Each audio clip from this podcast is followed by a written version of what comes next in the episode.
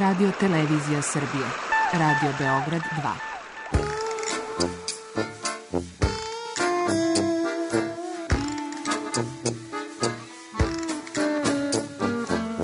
Rekli su mi, gospodine, vi ste promašili temu. Pa ja sam onda promašio život. I ne znam šta će da bude sam. Kaže, ja ne mogu više te čuvam. Šta da ti radi, kaže, snađi se kako znaš. Mi smo kao u kafesu. Za nas to je najmrtvo. To je mrtvo za nas. Naročito. I ja bih želela neko da me usvoji. Da bih želela. Govori da bih te video. Program dokumentarnog zvuka. 闭上你的眼，我的爱人，吻住你，吻住 一吻。你的心一变，像落叶飞远，我宁愿瞎了眼看不见。求你牵牵。 pojava da ljudi odlaze u kino svako već dugo, dugo zastupljena i naši ljudi i uopšte ljudi iz drugih zemalja prosto tamo mogu da ode i da rade kao nastavnici engleskog. Taj odlazak u kino nije kao odlazak u neku drugu evropsku ili kakvu je zemlju da ljudi odlaze i počinju svoj život iznova negde drugde i kao to je to, nego je, to je jedna epizoda u našim životima, dakle da se ode i neka konačna situacija je da se ne postoji integracija u taj sistem i to, u to njihovo društvo. Čak i ljudi koji su ostali zbog nekih privatnih ili ovakvih onakvih razloga, prosto su ljudi koji su pristali da žive na neki način izolovani, neprihvaćeni i tako dalje. Dok u, dakle, u većini slučajeva e, ljudi odlaze da rade, specifično je da to radno iskustvo nije nešto značajno za bilo šta što ćete kasnije raditi, nije značajno čini mi se da ne u nekom finansijskom smislu da je nešto kao da vam menja život, da vam otvara. Mnogi ljudi odlaze sa željom da na taj način naprave neku veliku promenu. Mislim kad se sve sabere oduzme da većina ljudi prosto samo dođe nade sa jednim velikim iskustvom života u Kini i u drugoj, drugačijoj kulturi. Ali ne postoji teško, teško se ostvaruje mogućnost da, da se tamo živi i radi kao neka situacija koja traje. Mislim, može da traje nekoliko godina, ali uglavnom se podrazumeva vraćanje nazad kao neka, neki vakum, kao neka tačka van tokova, van događaja, van vremena, van nekog i kao prostora koji podrazumeva naš tok, život, šta kako već. Kao jedan prekid, kao neka prilika da se iskusi nešto van života, da bi se onda vratilo u život. Da, tako je nekako iskustvo. Jer opet kažem, nije nešto da odete i ostanete, ili odete i uradite nešto, pa te neke značajne posljedice kasnije postoje. Mislim da su, da su te stvari koje dobijemo isključivo te tako neke iskustvene prirode. Ali ja to mislim da svi koji se sećaju Kine se svi sećaju kao nekog sna. kao nečeg što kao nije potpuno stvarno.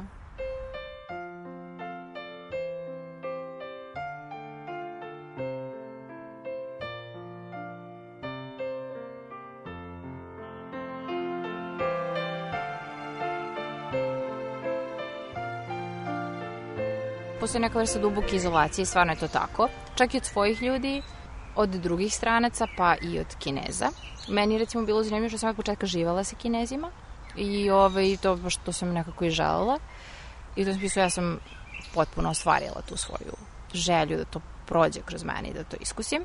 Ali i prvih nekoliko meseci sve to bilo jako pozitivno, još nekako sam ignorisala taj moment da nisam u potpunosti prihvaćena mnoge stvari koje u našoj kulturi jedno znače, u njihovoj kulturi potpuno nešto drugo znače. Znači, eto, da pođemo od toga da recimo, zanimljivo je kod njih, eh, oni nemaju običaj da kažu ne bilo kome. Meni se više puta događalo da se nešto dogovorim sa tadašnjim koleginicama i da su one pune entuzijazma organizujemo nešto i onda kad dođe trenutak da to uradimo, one, one samo nestane ili tako nešto. Zato što je veliko, veliki problem da se kaže ne zato što nisam razumela. Ja sam u momentu u kome one vade mape i planiraju sve, mislila da su one podjednako ushićene, kao ja, da idemo negde zajedno da nešto radimo.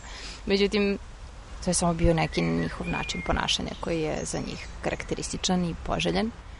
Tako da, to su neka prva otežanja s kojima sam se na početku jako lepo nosila, sve to bilo u redu, ali nekako vremenom to jeste nešto zbog čega se počne, počne neko da se osjeća izolovano, neprihvaćeno i tako dalje ono zbog čega ja sam na tome zahvalna jer što čini mi se kod mene se produbila neka introvertnost zatvoreni su, prosto su zatvoreni i to svako ko je tamo živao osjeća. Ne bih znala da kažem zbog čega je to tako. Jesu oni zatvoreni i postoji ta priča o, o, uopšte kao počnemo samo od interneta gde moramo da koristimo VPN da bismo otvorili aplikacije koje mi koristimo. Jasno je da postoji izolovanost i kao to je neki najbolji primjer kako njihova zatvorenost, izolovanost od sveta, jeli? Ali ko ima tu dosta i dobri stvari na tu temu da se kaže. I bilo je tu nekoliko momenta gde sam ja mislila da to zapravo jako pozitivno. To možda, na primjer, odlazak u taj muzej u Sijanu, kada sam otišla kao u muzej savremenu, da kako god. I ono što vi vidite u tom muzeju je, su fotografije članova vlade. u, I to je nešto što je u tom trenutku, sad se tako ne osjećam, ali ne mislim kao da sam nešto sad u pravu što se tako ne osjećam, ali u tom trenutku tada kad sam to videla, to je izgledalo kao, kao da je otkrilo, uh, mi mislimo da je Kina ima problem sa propagandom i sa ispiranjem njihovih mozgova, šta znam, uvek postoji ta neka slika. I da bi upravo ta slika u muzeju bila baš lep primer za to. Ali ja u tom trenutku to što nisam tako osjećala, nego sam jako zanimljivo osjetila našu propagandu, ona je meni. Znači, meni u, tom, u toj situaciji došla ideja pro, zapadne propagande, koja je nešto zbog čega bi bilo ko iz našeg dela sveta kad to vidi rekao, bože, kakva propaganda u kineskom muzeju ali mislim, ja sam tad mislila to što nije tako i da kod njih zapravo baš zbog toga što je taj neki savremeni, ta fotografija savremenih članova vlade ili kako već bilo nešto što država kontinuitet, jer oni, ja sam tada imala utisak da kod njih prošla sadašnjost i budućnost mnogo bolju vezu imaju nego što je to kod nas, odnosno uopšte na zapadu. I to je bio jedan lep osjećaj. E, sada imam tendenciju da to tumačim kao kao da sam vrlo čisto doživela to zbog toga što kod njih zapravo ne postoji propaganda kao pojam na neki način. Oni još te nemaju tu potrebu koju imamo da sve tumačimo, interpretiramo, kontekstualizujemo. I, znači, nekako je to ta fotografija pred vama je samo ta fotografija i to što vi možete vidjeti je samo to što je, bez nekih propratnih misli.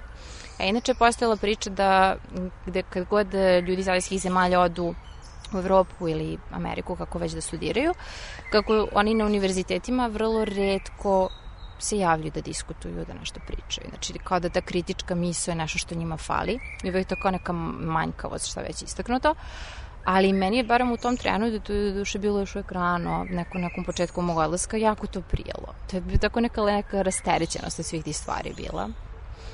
Ove, I mislim da oni jesu rasterećeni toga. Znači, uprkos toj ideji da je to nešto kao posljedica njihove propagande, mislim da to, ove, da su oni svakako slobodni od tog obsesivnog razmišljanja i tumačenja.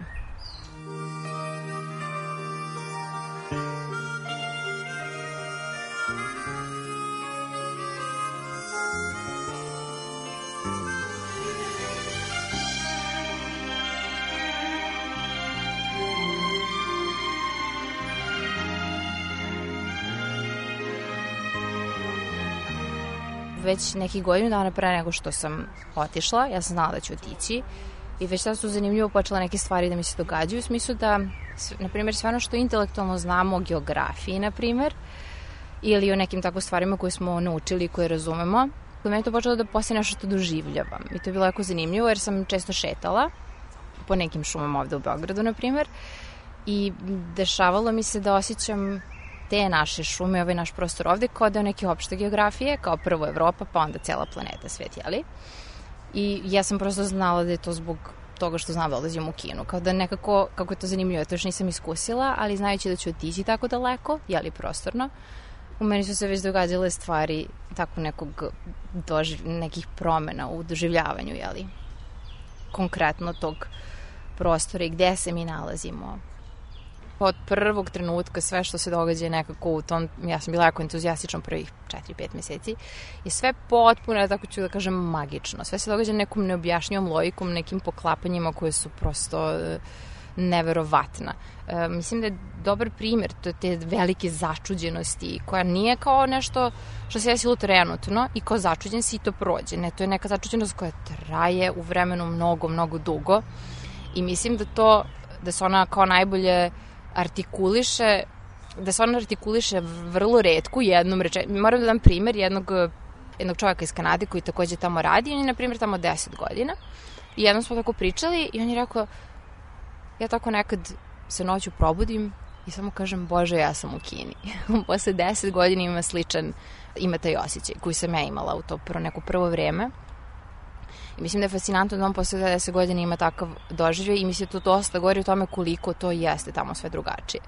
Kada pričam o lepim stvarima koji su se događale, pa neka budete te prvi dolazak na aerodrom sletanje, e, njihova uniforma, kako ti ljudi izgledaju, kako su karakteri svuda prisutni. Mislim, samo ti karakteri ogromni, ispisani kineski svuda oko vas su dobar period činile se osjećam kao da sam u filmu i kao da nisam u nekoj stvarnosti, više negde drugde. Često sam imala osjećaj kao da sam uzela drugog liku igrici da pravim i kao živim svoj život iz početka. Stvarno je osjećaj bio kao da sam neku čudnu priliku dobila da iznova se rodim i živim.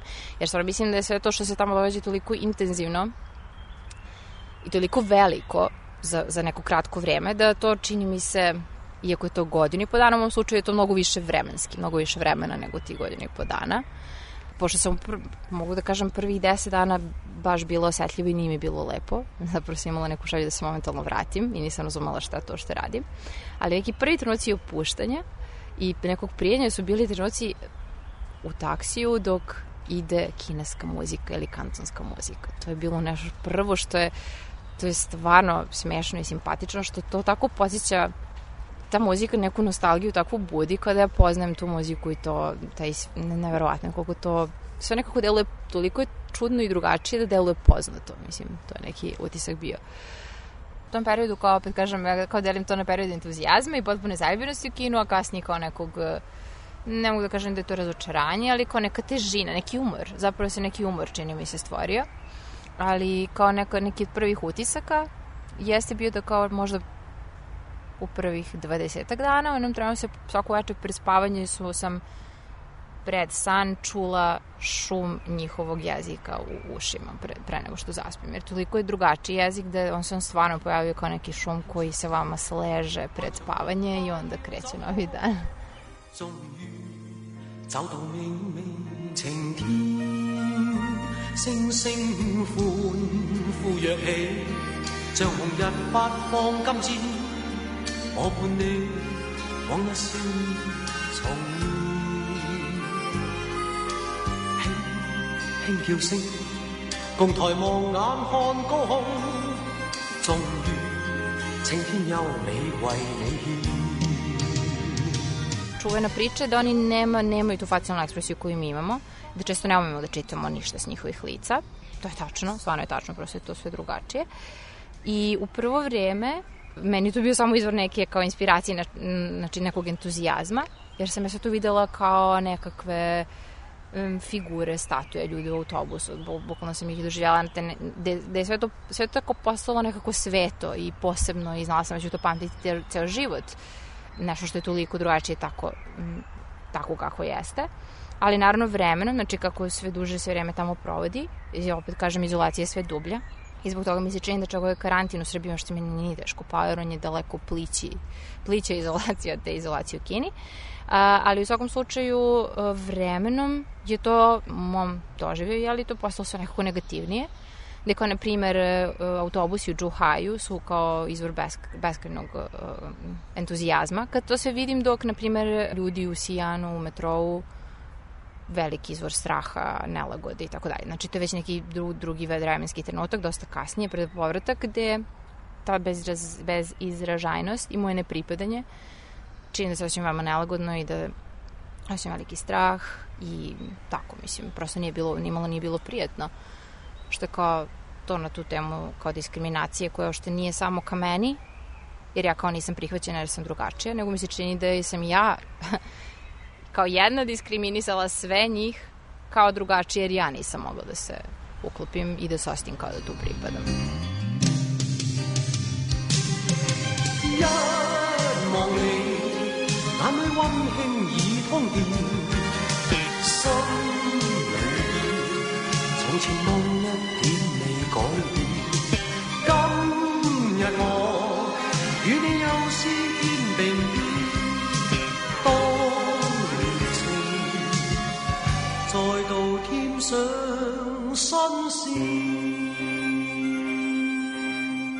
Da, neke od zanimljivih iskustva, na primjer već online u radu sa Japancima je bilo kao e, da recimo učenik kaže izvinjam se ne mogu sad, imamo zemlju, trez doviđenja i to je nešto što ovaj, nama zvuči malo tako, jeli? čudno i zanim, e, zbunjujuće, jer ne, ne znam kako možemo tako racionalno da reagujemo na to. I mislim, to je svakako bilo nešto jako, jako zanimljivo i već tu preko nekog online iskustva. Ali onda kad sam otišla tamo nešto dve ili tri nedelje nakon što sam došla, kreće priča o tome da stiže tajfun koji je kao prošle godine napravio veliki problem u gradu i verovatno, pošto je sve to tako si izmešteni potpuno si nekom drugom svetu, kao da si opet kažemo nekom drugom životu, moja reakcija na to što nije bilo neki strah ili nešto, svakako zbunjenost, ali iz zbunjenosti to je prašlo kao neki čudan entuzijazam, da se ja radujem što će biti tajfun, mislim ne, ne u smislu da želim da se ikome što loše desi ili meni ili tako nešto, nego prosto sama ti ideja ću ja iskusiti tajfun koji prosto ne postoji način da iskusim ovde, je bilo nešto što mi je kao bilo vrlo zanimljivo i na kraju kraja možda ovaj, to možda to je bio neki mehanizam da se s tim lakše izborim, ali Mi smo se pripremale, lepile smo prozore zajedno, to su znači neki nepoznati ljudi koji sam ja videla pre, eto, 10 dana prvi put u životu, s kojima sad živim i funkcionišem na dnevnom nivou. I mi sad se dogovaramo kako ćemo i šta ćemo da kupujemo za slučaj to bude duže dana, šta ćemo da jedemo, kako ćemo da se hranimo i tako dalje. I ovo je jako, u stvari sad sam se setila, jako, jako simpatično da je to, baš dok je to trajalo, baš roditelji te e, koleginice u dolaze i oni kuvaju i spremaju i mi sedimo svi u dnevnoj sobi i pričamo, ona čak i nešto svira i naravno oni pričaju, u većini slučajeva ja slušam u tom trenutku i nije mi dosadno, nije mi ne, nešto nezanimljivo jer je sve to kao neki veliki događaj, neke druge stvari, neke druge stvari se obraća pažnja i mi prolazimo taj tajfun na taj neki način. I njihova uh, reakcija na to što se nama drma saksija zato što nam se pomera zgrada je to da se svira, peva i sedi u mraku u, u sobi vrlo zanimljivo. Svakako to možemo i sa ovom koronom da uporedimo. E, imam dosta sad asocijacija na to. Jeste to tačno da oni nekako oko njih je red mnogo zastupljeniji i da, poverenje u sistem, da se prosto svaki put kad se nešto loše događa, e, zna e, instinktivno i ono u jednom trenu šta treba sve da se uredi. To nije jedna stvar, to je niz stvari koje treba da se uredi da bi se to ublažilo ili da bi se smanjile posljedice i to je ono na što oni jesu fokusirani. Iako bi to njihovo, po navnicima, proračunato ili kako već, e, opet kažem, jeste to instinkt kod njih, koji naravno može biti naučan, ne kažem da ne, i kao, može to delovati kao da su oni isprogramirani, da nešto tako rade, da nemaju emocije i tako dalje. Mi često ljudi koji tamo budu i doživljavaju na taj način kineza, ali ja nekako nemam utisak da je to u pitanju, ja mislim da to na prvo mesto jako e, te, da je to produktivno, jako ovaj, korisno, ne onom nekom lošem smislu te reči.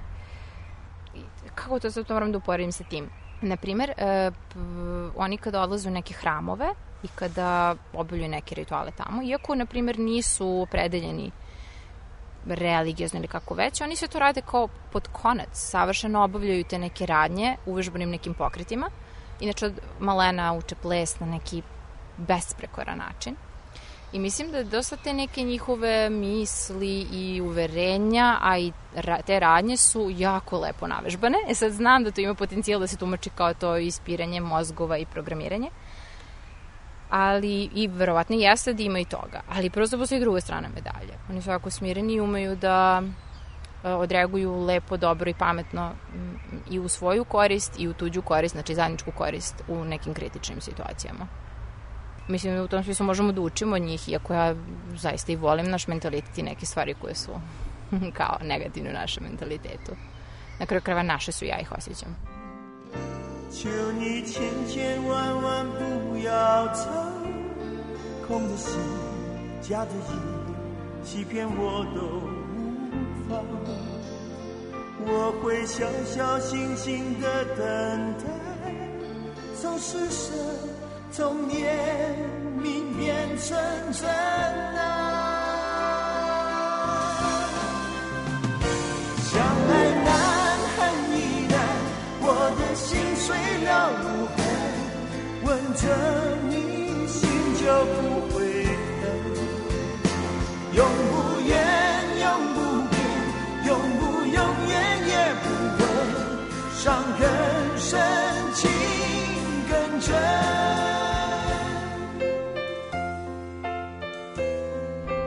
Jedna od zanimljivih situacija koliko je sve to opet drugačije, pošto to hoću nekako da istaknem. Kod njih je jako važno da se do 30. godine ostvari porodičan život. Tako da se jednom prilikom se dogovorila sa tom svojom dru, uh, koleginicom, prijateljicom, da idemo negde zajedno. Ja rekla u redu, samo moramo negde da svratimo prvo. Ja sam rekla u redu i mi smo se popila na, ne znam, neki tamo sprat u nekoj zgradi. Ušli smo na ne, neku agenciju, ne znam koju kako, da bi ona meni nakon toga rekla da je to agencija za upoznavanje parova. Agenciju koji se ode, usluga se uputi i onda se parovi jeli, uz pomoć agencije pronalaze, jeli. I ona je mene tu dovela, što je meni po sebi naravno bilo čuno, ona je rešila tu da aplicira. I onda smo nakon, jeli, njene te prve aplikacije prijeve, otišli u jednu malu kabinu, ona zaposlena devojka i ja, I kao one su sedele jedna naspram druge, mene su stavile tu sa strane da stojim. I one su nekih pola sata popunjavale i pričale o tome kako ga ona partnera želi, želi. A ja sam sve to slušala. u tom trenutku uopšte ne, ne, nisam razumela kineski ni malo. I ja sam zaista pola sata bila u tom, tom za, u toj začuđenosti i nekim mislima da se ovo realno događa, šta se događa. Ali moguće da me prisustujem. Dakle, oni su se dogovarale, nešto su popunjavale ali kao mislim da i to što je ta kabina tako mala do, doprinalo to, to i tom nečemu tako čudnom, da bih nakon toga kad smo izašla ja videla da svaka od tih kabina ima naslov filma Von Carvaja koga sam ja baš intenzivno i stalno iznova gledala pred olazak u kinu. Tako da svi njegovi filmovi, ispisano na engleskom i na kineskom, svaka kabina se zove po njegovom filmu. To je bilo potpuno potpuno za mene to onako fascinantno, nisam mogla da verujem da se to događa. Čak sam u tom trenu mislila da je to sve jako pozitivno, kako u njihovom društvu Bože sve tako sređeno da i to može, neko bi rekao da je to potpuno dehumanizovano kako već. Ja uopšte nisam imala nakon svega toga, naročito sa tim Von Karvajem, uopšte nisam imala da se to nešto negativno.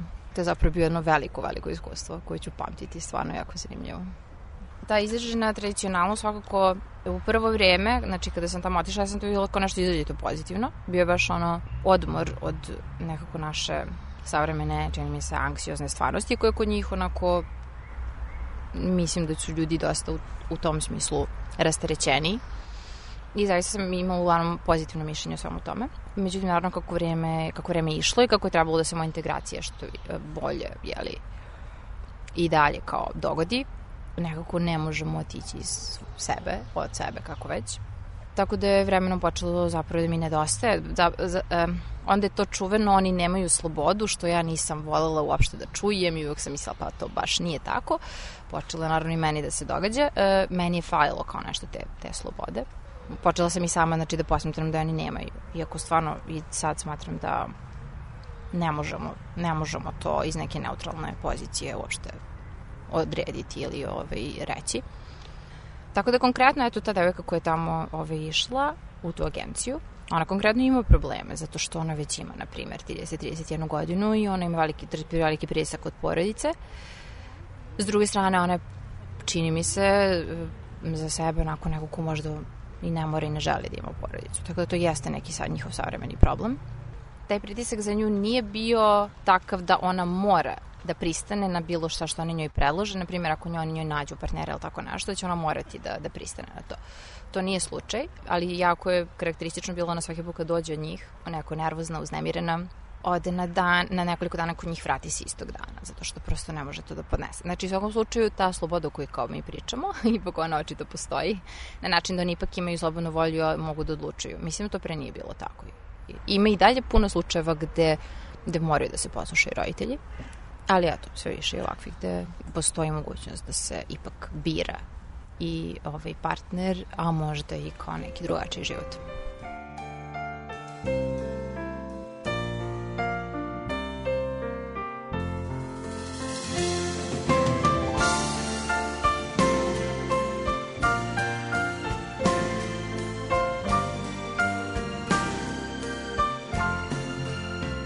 postoji izražen kolektivizam, jeli? ali to nekako ne znači da nema i, i individualizma, ali njihov kolektivizam je kao da vi konkretno u neku, evo da poredim sa čim našim, imate neku vanrednu ili drugačiju situaciju da se ljudi povezuju da zajedno nešto odrade jer je to kao poželjno. I oni, čini mi se, konstantno funkcionišu u tome na taj način, ali na, svakodnevnom nivou kada se nešto što je zajednički radi. I oni, znači to baš izraženo i baš postoji. Zajedno, na primjer, i slave i e, raduju se stvarima, zajedno i rešavaju probleme i onda na kraju dana kada se vrate sve kućama, pošto kad sam živala sa tim devojkama, bilo nas je u jednom trenutku 3, 4 pa i 5 u istom stanu, e, uglavnom kad dođemo oni do, dakle dosta rade i umorni su, onda se zatvoriju sve sobe svako i m, vrlo slabo su u kontaktu van tog posla ili van slobodnog dana kad se zajedno odlazi negde. Ali kao postoji jedno i drugo, ali prosto je taj individualizam, individualizam njihov drugačiji. Znači, čini mi se naš, da je naš individualizam, savremeni individualizam dosta i povezan i sa nekom svešću, samo svešću razmišljanjima, dok je kod njih to čini mi se više kao neki mehanički, fizički način da se odmori, da se um, napune baterije, da se kao da bi se vratilo u taj kolektivni način funkcionisanja. Čini mi se. Mislim, ne, naravno sve ovo vratno dosta povezano s jedičkom barijerom, gde ja mogu sada da prenosim neke svoje zaključke na to, ali m, nekako kad pogledam, dosta je sve kao nekako ospoljeno kroz te neke radnje. Nekako mnogo mi se čini da su više od akcije. Čini mi se, da.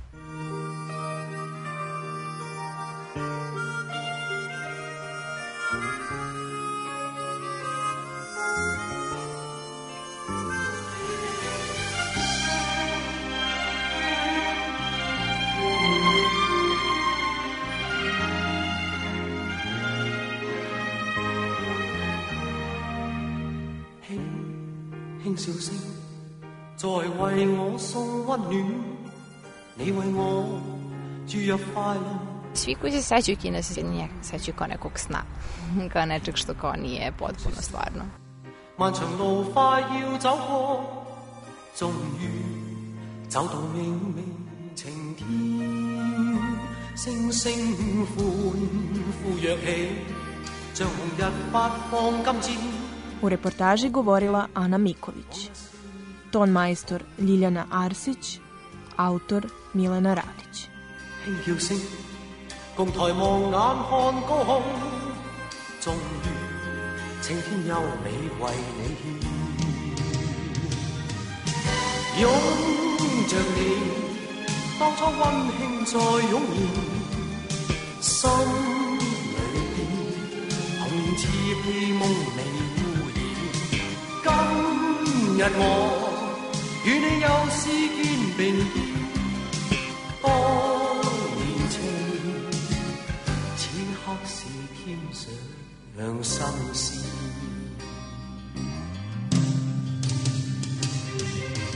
一望你，眼里温馨已通电，心里边从前梦一点未改变。今日我与你又诗篇并肩。再度天。想心事。